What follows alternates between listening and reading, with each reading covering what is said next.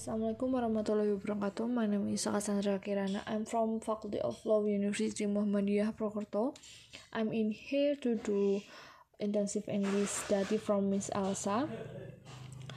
Uh, okay, be different for success. Seven step skill for success in real life.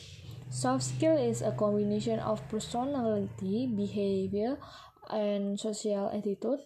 It is very important because many successful uh, people have the soft skill they need.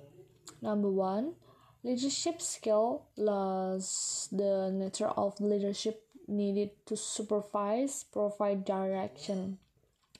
And number two, teamwork. Uh, in teamwork, um, maybe maybe a little less important, but this is very necessary if you want people to understand how you understand uh, a, por- a project. Number three, communication skill.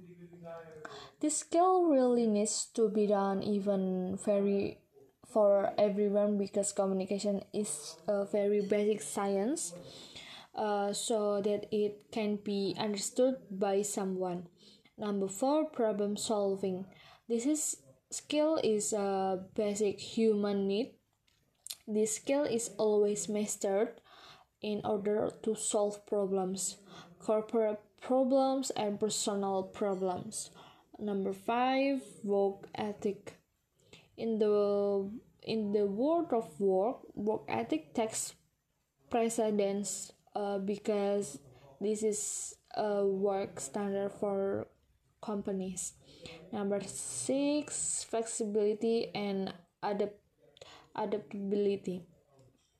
This point is a further point as we know that we as workers must be able to adapt and flex ourselves in works matter.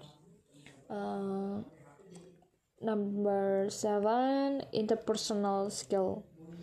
This is a soft skill that must be mas- mastered because to build and team we must be able to Im- interpersonalize ourselves with other.